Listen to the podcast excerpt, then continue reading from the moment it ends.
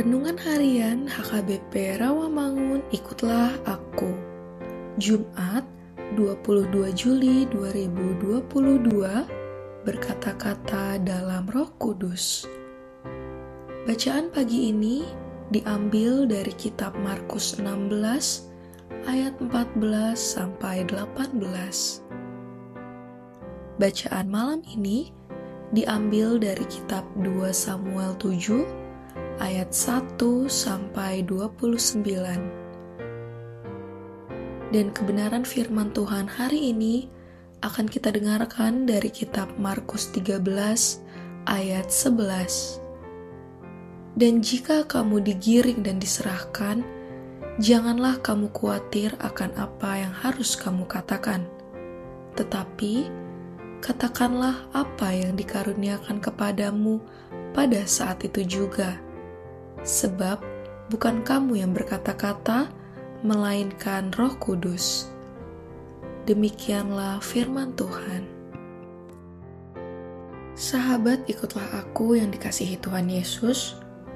Tuhan Yesus memberikan pengajaran yang sangat luar biasa kepada mereka, yaitu Petrus, Yakobus, Yohanes, dan Andreas mengenai kesulitan yang akan terjadi di akhir zaman. Segala macam tantangan tersebut dapat membuat hati manusia menjadi ciut.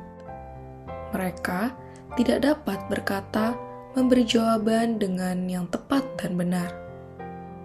Namun, Tuhan Yesus tidak hanya membeberkan tantangannya, tetapi juga kekuatan dan jalan keluar yang sudah disediakan bagi umatnya yang berjaga-jaga.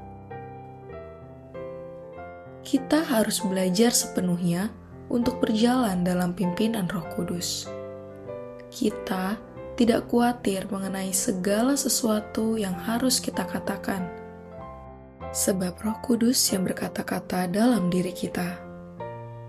Kuasa Roh Kudus jauh lebih besar dan kuat daripada segala kuasa yang ada di dunia ini, seperti yang tertulis di dalam kitab 1 Yohanes 4 ayat 4. Kita belajar untuk mengandalkan kuasa Roh Kudus dan berjalan dalam pimpinannya karena cara hidup seperti ini harus dimulai dan dibangun dari sekarang dan tidak boleh ditunda-tunda hendaklah kita mengatakan segala sesuatu yang akan dikaruniakan kepada kita pada saat itu juga.